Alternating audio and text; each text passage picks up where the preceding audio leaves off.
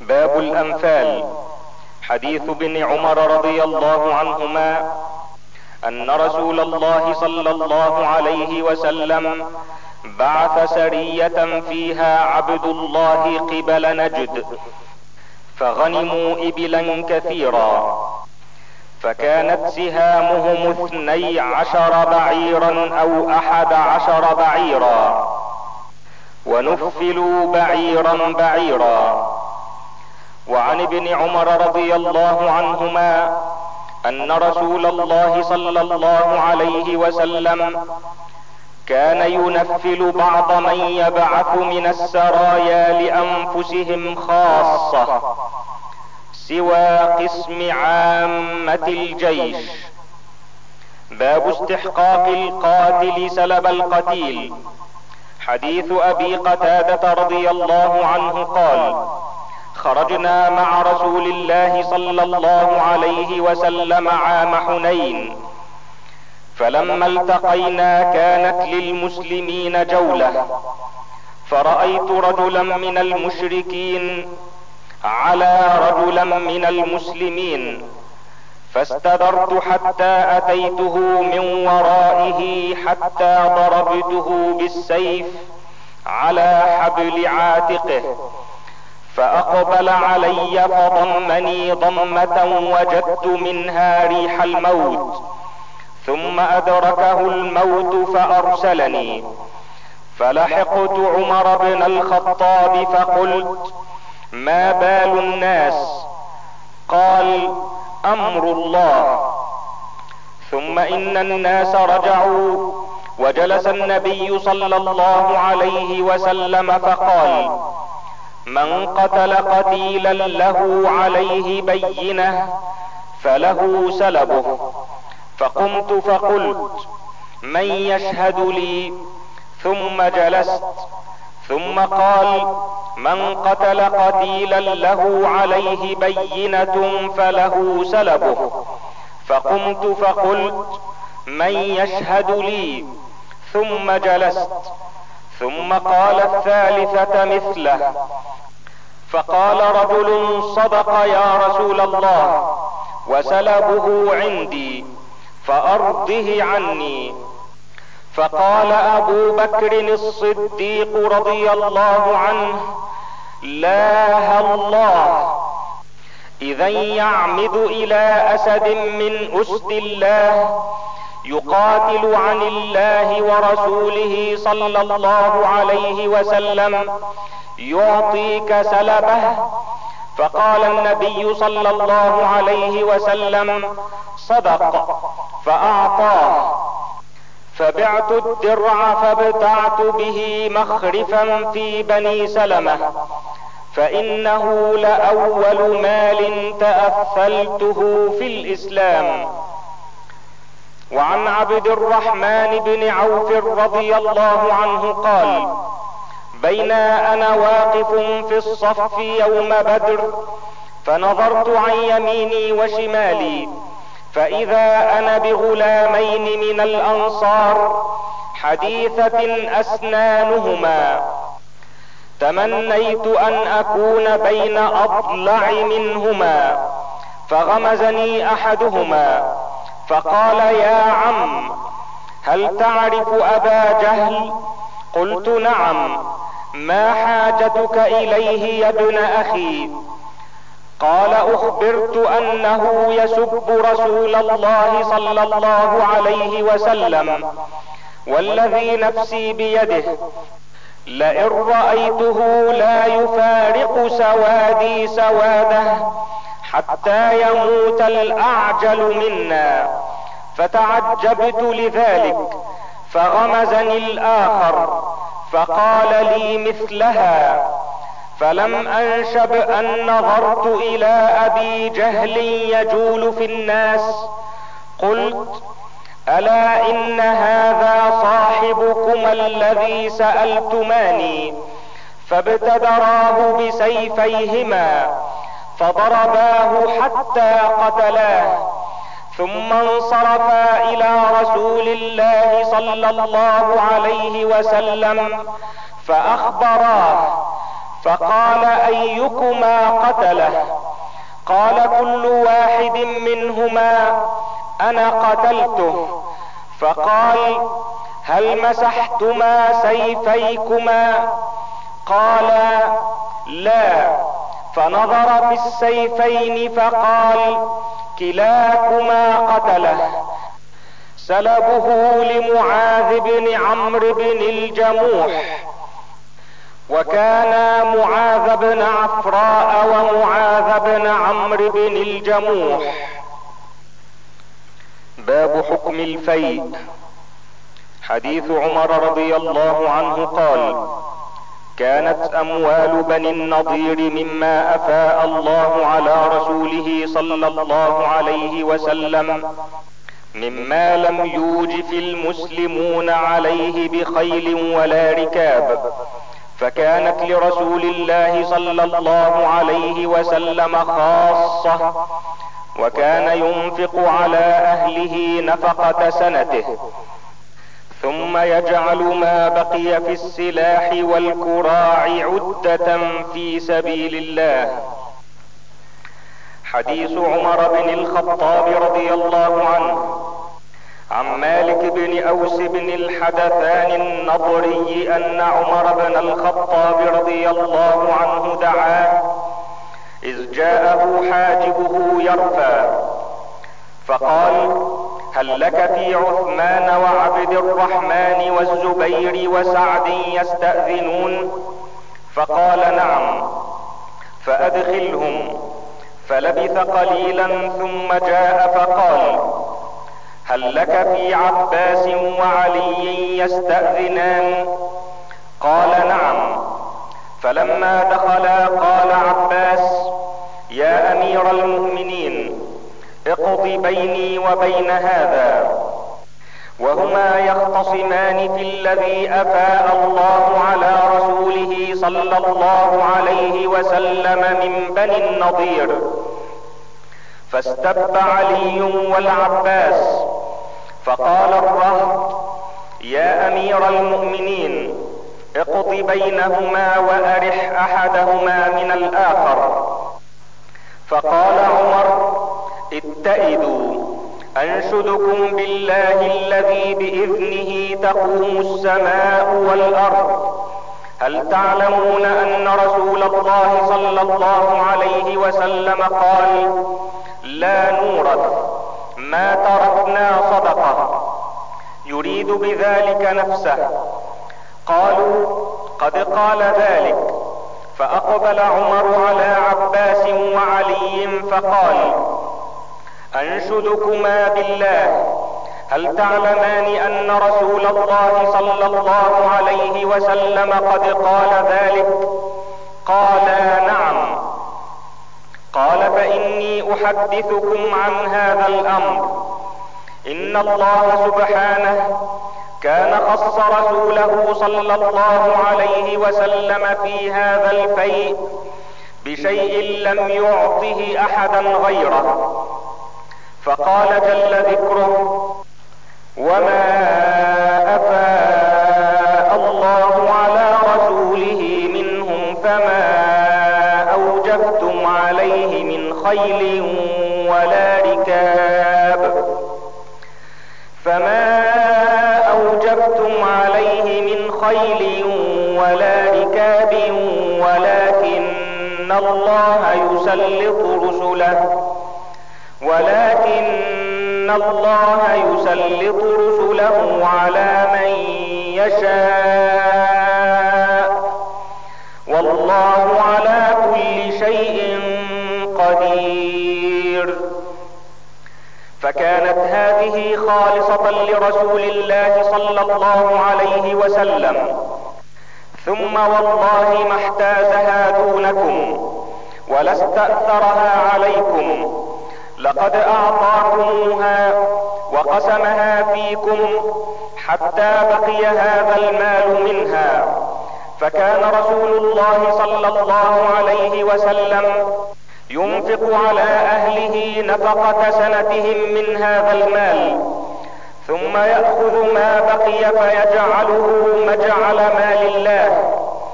فعمل ذلك رسول الله صلى الله عليه وسلم حياته.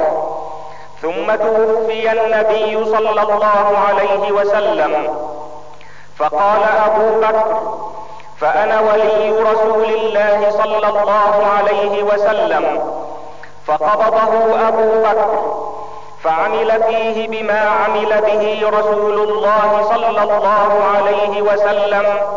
وأنتم حينئذ فأقبل على علي وعباس وقال تذكران أن أبا بكر فيه كما تقولان والله يعلم إنه فيه لصادق بار راشد تابع للحق. ثم توفى الله أبا بكر. فقلت أنا ولي صلى الله عليه وسلم وأبي بكر. فقبضته سنتين من إمارتي. أعمل فيه بما عمل رسول الله صلى الله عليه وسلم وأبو بكر. والله يعلم أني فيه صادق بار راشد تابع للحق. ثم جئتماني كلاكما وكلمتكما واحدة وأمركما جميع. فجئتني يعني عباسا فقلت لكما إن رسول الله صلى الله عليه وسلم قال لا نورث ما تركنا صدقة فلما بدا لي أن أدفعه إليكما قلت إن شئتما دفعته إليكما على أن عليكما عهد الله وميثاقه لتعملان فيه بما عمل فيه رسول الله صلى الله عليه وسلم وأبو بكر وما عملت فيه مذ وليد وإلا فلا تكلماني فقلت ادفعه إلينا بذلك فدفعته إليكما. أفتلتمسان مني قضاء غير ذلك؟ فوالله الذي بإذنه تقوم السماء والأرض لا أقضي فيه بقضاء غير ذلك حتى تقوم الساعة. فإن عجزتما عنه فادفعا الي فأنا أكفيكما. باب قول النبي صلى الله عليه وسلم لا نورث ما تركنا فهو صدقة. حديث عائشة رضي الله عنها أن أزواج النبي صلى الله عليه وسلم حين توفي رسول الله صلى الله عليه وسلم أردن أن يبعثن عثمان إلى أبي بكر يسألنه ميراثهن. فقالت عائشة أليس قال رسول الله صلى الله عليه وسلم لا نورث ما تركنا صدقة. وعن عائشة رضي الله عنها أن فاطمة عليها السلام بنت النبي صلى الله عليه وسلم أرسلت إلى أبي بكر تسأله ميراثها من رسول الله صلى الله عليه وسلم مما أفاء الله عليه بالمدينة وفدك وما بقي من خمس خيبر. فقال أبو بكر إن رسول الله صلى الله عليه وسلم قال لا نورث ما تركنا صدقة. إنما يأكل آل محمد صلى الله عليه وسلم في هذا المال. وإني والله لا أغير شيئا من صدقة رسول الله صلى الله عليه وسلم عن حالها التي كان عليها في عهد رسول الله صلى الله عليه وسلم. ولأعملن فيها بما عمل به رسول الله صلى الله عليه وسلم. فأبى أبو بكر أن يدفع إلى فاطمة منه شيئا. فوجدت فاطمة على أبي بكر في ذلك فهجرته فلم تكلمه حتى توفيت. وعاشت بعد النبي صلى الله عليه وسلم ستة أشهر. فلما توفيت دفنها زوجها علي الليلى ولم يؤذن بها أبا بكر وصلى عليها. وكان لعلي من الناس وجه حياة فاطمة. فلما توفيت استنكر علي وجوه الناس فالتمس مصالحة أبي بكر ومبايعته ولم يكن يبايع تلك الأشهر فأرسل إلى أبي بكر أن ائتنا ولا يأتنا أحد معك كراهية لمحضر عمر. فقال عمر لا والله لا تدخل عليهم وحدك. فقال أبو بكر وما عسيتهم أن يفعلوا بي. والله لآتينهم. فدخل عليهم أبو بكر. فتشهد علي فقال إنا قد عرفنا فضلك وما أعطاك الله ولم ننفس عليك خيرا ساقه الله إليك. ولكنك استبددت علينا بالأمر وكنا نرى لقرابتنا من رسول الله صلى الله عليه وسلم نصيبا. حتى فاضت عينا أبي بكر فلما تكلم أبو بكر قال والذي نفسي بيده لقرابة رسول الله صلى الله عليه وسلم. أحب إلي أن أصل من قرابتي. وأما الذي شجر بيني وبينكم من هذه الأموال فلم آل فيها عن الخير ولم أترك أمرا رأيت رسول الله صلى الله عليه وسلم يصنعه فيها إلا صنعته. فقال علي لأبي بكر موعدك العشية للبيعة. فلما صلى أبو بكر الظهر رقي على المنبر فتشهد. وذكر شأن علي وتخلفه عن البيعة وعذره بالذي اعتذر إليه ثم استغفر وتشهد علي فعظم حق أبي بكر وحدث أنه لم يحمله على الذي صنع نفاسة على أبي بكر ولا إنكارا للذي فضله الله به. ولكننا نرى لنا في هذا الأمر نصيبا. فاستبد علينا فوجدنا في أنفسنا فسر بذلك المسلمون. وقالوا أصبت. وكان المسلمون إلى علي قريبا حين راجع الأمر بالمعروف.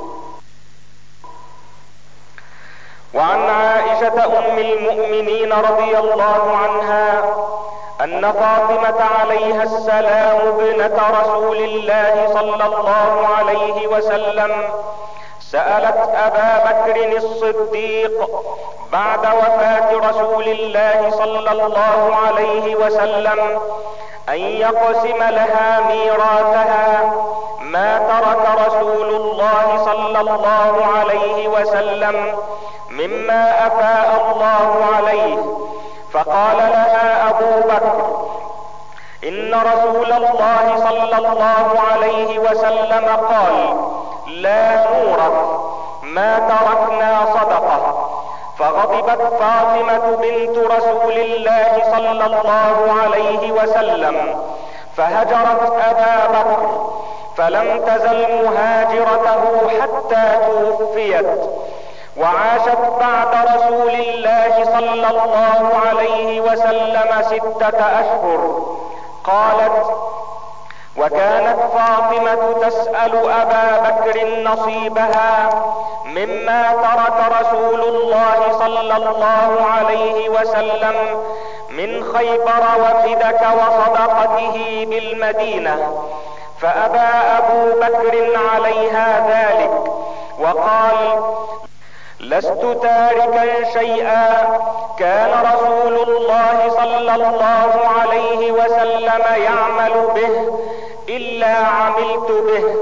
فإني أخشى إن تركت شيئا من أمره أن أزيغ. فأما صدقته بالمدينة فدفعها عمر إلى علي وعباس. فأما خيبر وفدك فأمسكها عمر وقال هما صدقة رسول الله كانتا لحقوقه التي تعروه ونوائبه وأمرهما إلى من ولي الأمر فهما على ذلك إلى اليوم. وعن أبي هريرة رضي الله عنه أن رسول الله صلى الله عليه وسلم قال لا يقتسم ورثتي دينارا. ما تركت بعد نفقة نسائي ومؤونة عاملي فهو صدقة. باب ربط الأسير وحبسه وجواز المن عليه. حديث أبي هريرة رضي الله عنه قال بعث النبي صلى الله عليه وسلم خيلا قبل نجد فجاءت برجل من بني حنيفة يقال له ثمامة بن أثال فربطوه بسارية من سوار المسجد فخرج إليه النبي صلى الله عليه وسلم فقال ما عندك يا ثمامة؟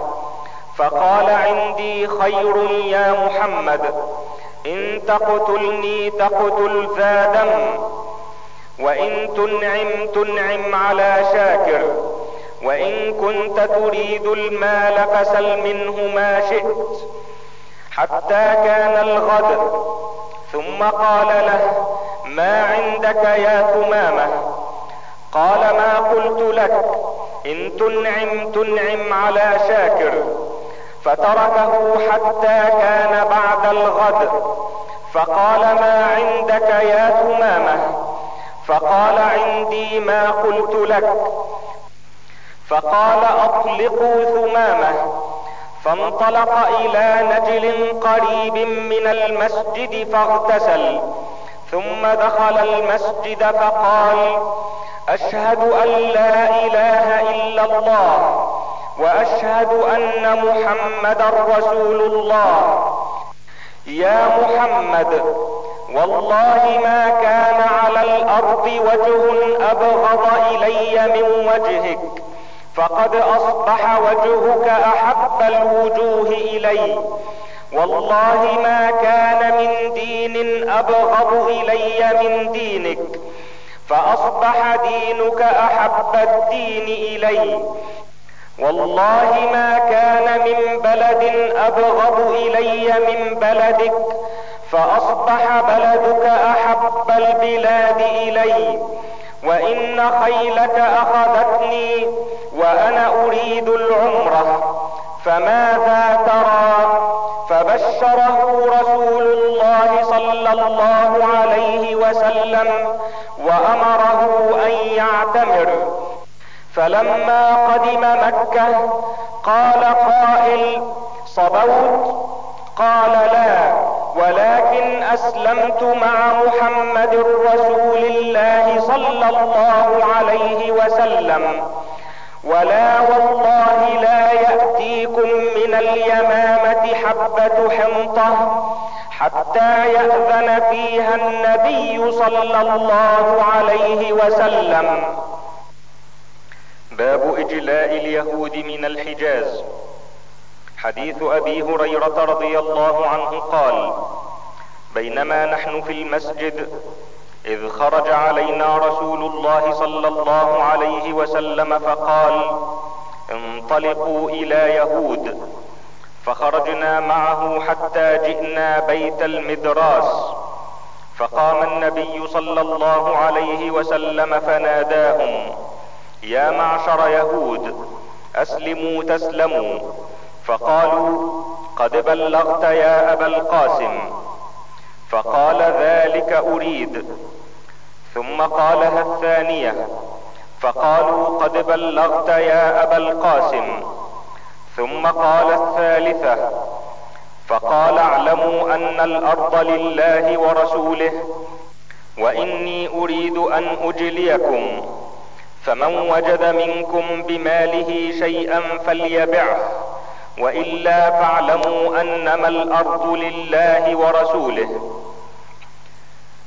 وعن ابن عمر رضي الله عنهما قال حاربت النضير وقريضه فأجلى بني النضير وأقر قريضه ومن عليهم حتى حاربت قريضه فقتل رجالهم وقسم نساءهم وأولادهم وأموالهم بين المسلمين إلا بعضهم لحقوا بالنبي صلى الله عليه وسلم فآمنهم وأسلموا وأجلى يهود المدينة كلهم بني قينقاع وهم رهط عبد الله بن سلام ويهود بني حارثة وكل يهود المدينة. باب جواز قتال من نقض العهد وجواز إنزال أهل الحصن على حكم حاكم عدل أهل للحكم. حديث أبي سعيد الخدري رضي الله عنه قال لما نزلت بنو قريظة على حكم سعد هو ابن معاذ. بعث رسول الله صلى الله عليه وسلم وكان قريبا منه فجاء على حمار. فلما دنا قال رسول الله صلى الله عليه وسلم قوموا إلى سيدكم. فجاء فجلس إلى رسول الله صلى الله عليه وسلم فقال له إن هؤلاء نزلوا على حكمك.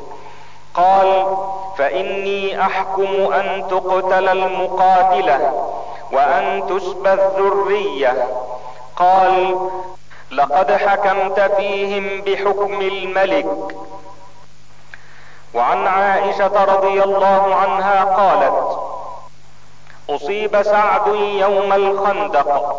رماه رجل من قريش يقال له حبان بن العرقة رماه في الأكحل فضرب النبي صلى الله عليه وسلم خيمة في المسجد ليعوده من قريب.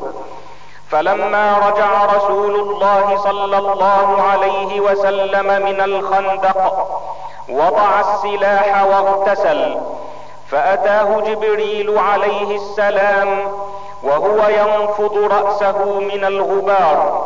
فقال قد وضعت السلاح والله ما وضعته اخرج إليهم. قال النبي صلى الله عليه وسلم فأين؟ فأشار إلى بني قريظة. فأتاهم رسول الله صلى الله عليه وسلم فنزلوا على حكمه. فرد الحكم إلى سعد. قال فإني أحكم فيهم أن تقتل المقاتلة وأن تسبى النساء والذرية وأن تقسم أموالهم. وعن عائشة رضي الله عنها أن سعدا قال اللهم إنك تعلم أنه ليس أحد أحب إلي أن أجاهدهم فيك من قوم كذبوا رسولك صلى الله عليه وسلم وأخرجوه. اللهم فإني أظن أنك قد وضعت الحرب بيننا وبينهم. فإن كان بقي من حرب قريش شيء فأبقني له حتى أجاهدهم فيك. وإن كنت وضعت الحرب فافجرها واجعل موتتي فيها فانفجرت من لبته فلم يرعهم وفي المسجد خيمة من بني غفار إلا الدم يسيل إليهم. فقالوا يا أهل الخيمة ما هذا الذي يأتينا من قبلكم؟ فإذا سعد يغذو جرحه دما فمات منها رضي الله عنه. باب من لزمه أمر فدخل عليه أمر آخر.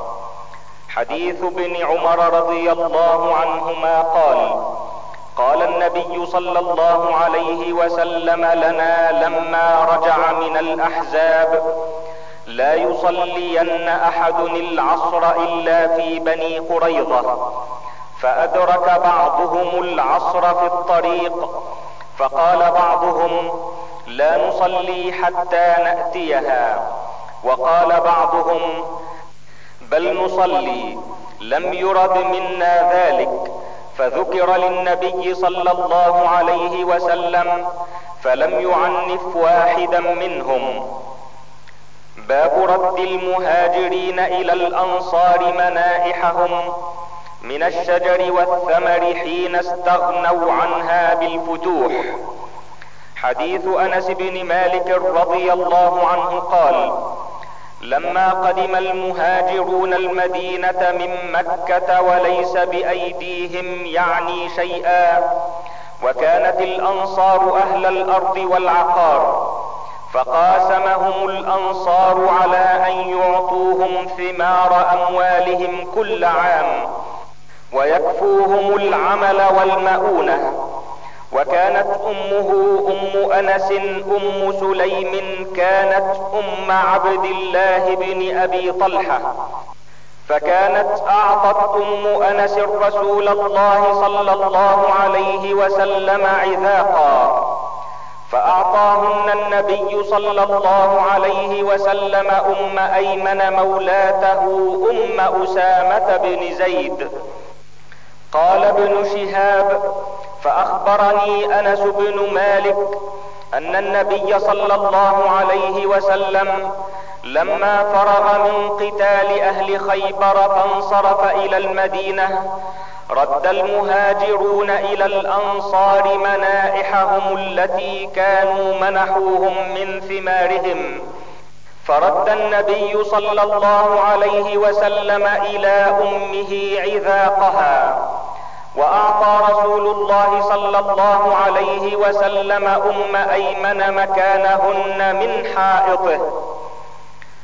وعن أنس رضي الله عنه قال كان الرجل يجعل للنبي صلى الله عليه وسلم النخلات حتى افتتح قريضه والنضير وإن أهلي أمروني أن آتي النبي صلى الله عليه وسلم فأسأله الذي كانوا أعطوه أو بعضه. وكان النبي صلى الله عليه وسلم قد أعطاه أم أيمن. فجاءت أم أيمن فجعلت الثوب في عنقي. تقول كلا والذي لا إله إلا هو. لا يعطيكهم وقد أعطانيها أو كما قالت. والنبي صلى الله عليه وسلم يقول لك كذا وتقول كلا والله حتى أعطاها عشرة أمثاله أو كما قال. باب أخذ الطعام من أرض العدو. حديث عبد الله بن مغفل رضي الله عنه قال كنا محاصرين قصر خيبر فرمى إنسان بجراب فيه شحم فنزوت لآخذه فالتفت فإذا النبي صلى الله عليه وسلم فاستحييت منه. باب كتاب النبي صلى الله عليه وسلم إلى هرقل يدعوه إلى الإسلام. حديث أبي سفيان رضي الله عنه عن ابن عباس رضي الله عنهما قال حدثني أبو سفيان من فيه إلى في قال انطلقت في المدة التي كانت بيني وبين رسول الله صلى الله عليه وسلم. قال فبينا أنا بالشام إذ جيء بكتاب من النبي صلى الله عليه وسلم إلى هرقل قال وكان دحية الكلبي جاء به فدفعه إلى عظيم بصرى. فدفعه عظيم بصرى إلى هرقل قال فقال هرقل هل ها هنا أحد من قوم هذا الرجل الذي يزعم أنه نبي؟ فقالوا نعم. قال فدعيت في نفر من قريش فدخلنا على هرقل فأجلسنا بين يديه فقال أيكم أقرب نسبا من هذا الرجل الذي يزعم أنه نبي؟ فقال أبو سفيان فقلت أنا فأجلسوني بين يديه وأجلسوا أصحابي خلفي ثم دعا بترجمانه فقال قل لهم إني سائل هذا عن هذا الرجل الذي يزعم أنه نبي فإن كذبني فكذبوه. قال أبو سفيان ويم الله لولا أن يؤثروا علي الكذب لكذبت. ثم قال لترجمانه سله كيف حسبه فيكم؟ قال قلت هو فينا ذو حسب. قال فهل كان من آبائه ملك؟ قال قلت لا. قال فهل كنتم تتهمونه بالكذب قبل أن يقول ما قال؟ قلت لا. قال أيتبعه اشراف الناس أم ضعفاؤهم؟ قال قلت بل ضعفاؤهم. قال يزيدون أو ينقصون. قال قلت لا بل يزيدون. قال هل يرتد أحد منهم عن دينه بعد أن يدخل فيه سخطة له؟ قال قلت لا. قال فهل قاتلتموه؟ قال قلت نعم. قال فكيف كان قتالكم إياه؟ قال قلت تكون الحرب بيننا وبينه سجالا. يصيب منا ونصيب منه. قال فهل يغدر؟ قال قلت لا. ونحن منه في هذه المدة لا ندري ما هو صانع فيها. قال والله ما أمكنني من كلمة أدخل فيها شيئا غير هذه. قال فهل قال هذا القول أحد قبله؟ قلت لا. ثم قال لترجمانه قل له إني سألتك عن حسبه فيكم فزعمت أنه فيكم ذو حسب وكذلك الرسل تبعث في أحساب قومها. وسألتك هل كان في آبائه ملك فزعمت أن لا. فقلت لو كان من آبائه ملك قلت رجل يطلب ملك آبائه. وسألتك عن أتباعه أضعفاؤهم أم اشرافهم فقلت بل ضعفاؤهم وهم أتباع الرسل. وسألتك هل كنتم تتهمونه بالكذب؟ قبل أن يقول ما قال فزعمت أن لا. فعرفت أنه لم يكن ليدع الكذب على الناس.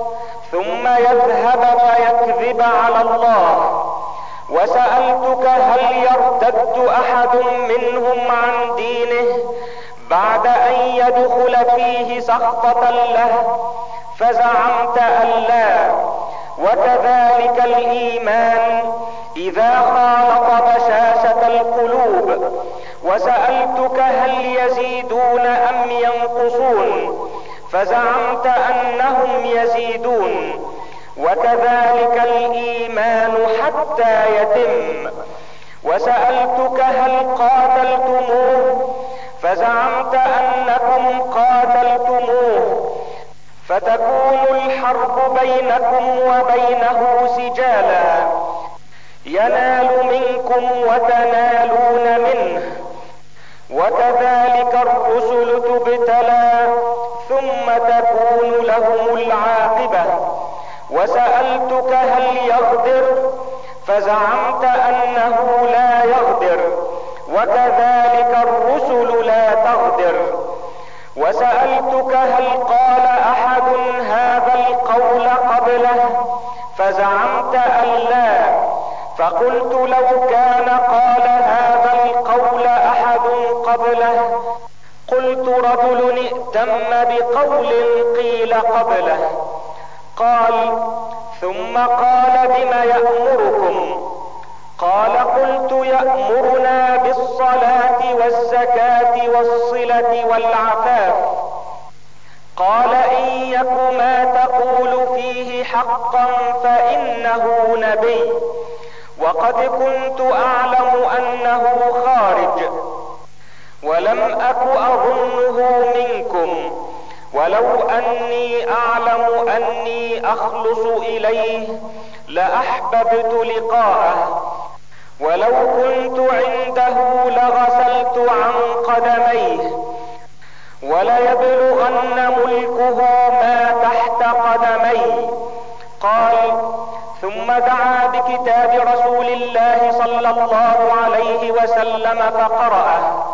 فإذا فيه بسم الله الرحمن الرحيم من محمد رسول الله إله رقل عظيم الروم سلام على من اتبع الهدى. أما بعد فإني أدعوك بدعاية الإسلام. أسلم تسلم وأسلم يؤتك الله أجرك مرتين. فإن توليت فإن عليك إثم الأريسيين. ويا أهل الكتاب تعالوا إلى كلمة سواء بيننا وبينكم ألا نعبد إلا الله ألا نعبد إلا الله ولا نشرك به شيئا ولا يتخذ بعضنا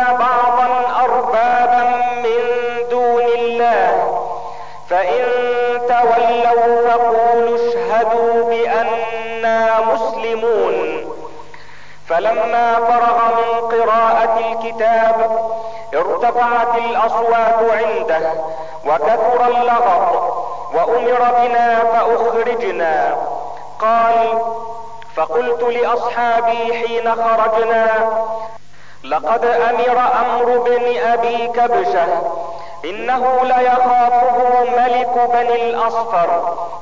فما زلت موقنا بأمر رسول الله صلى الله عليه وسلم أنه سيظهر حتى أدخل الله علي الإسلام.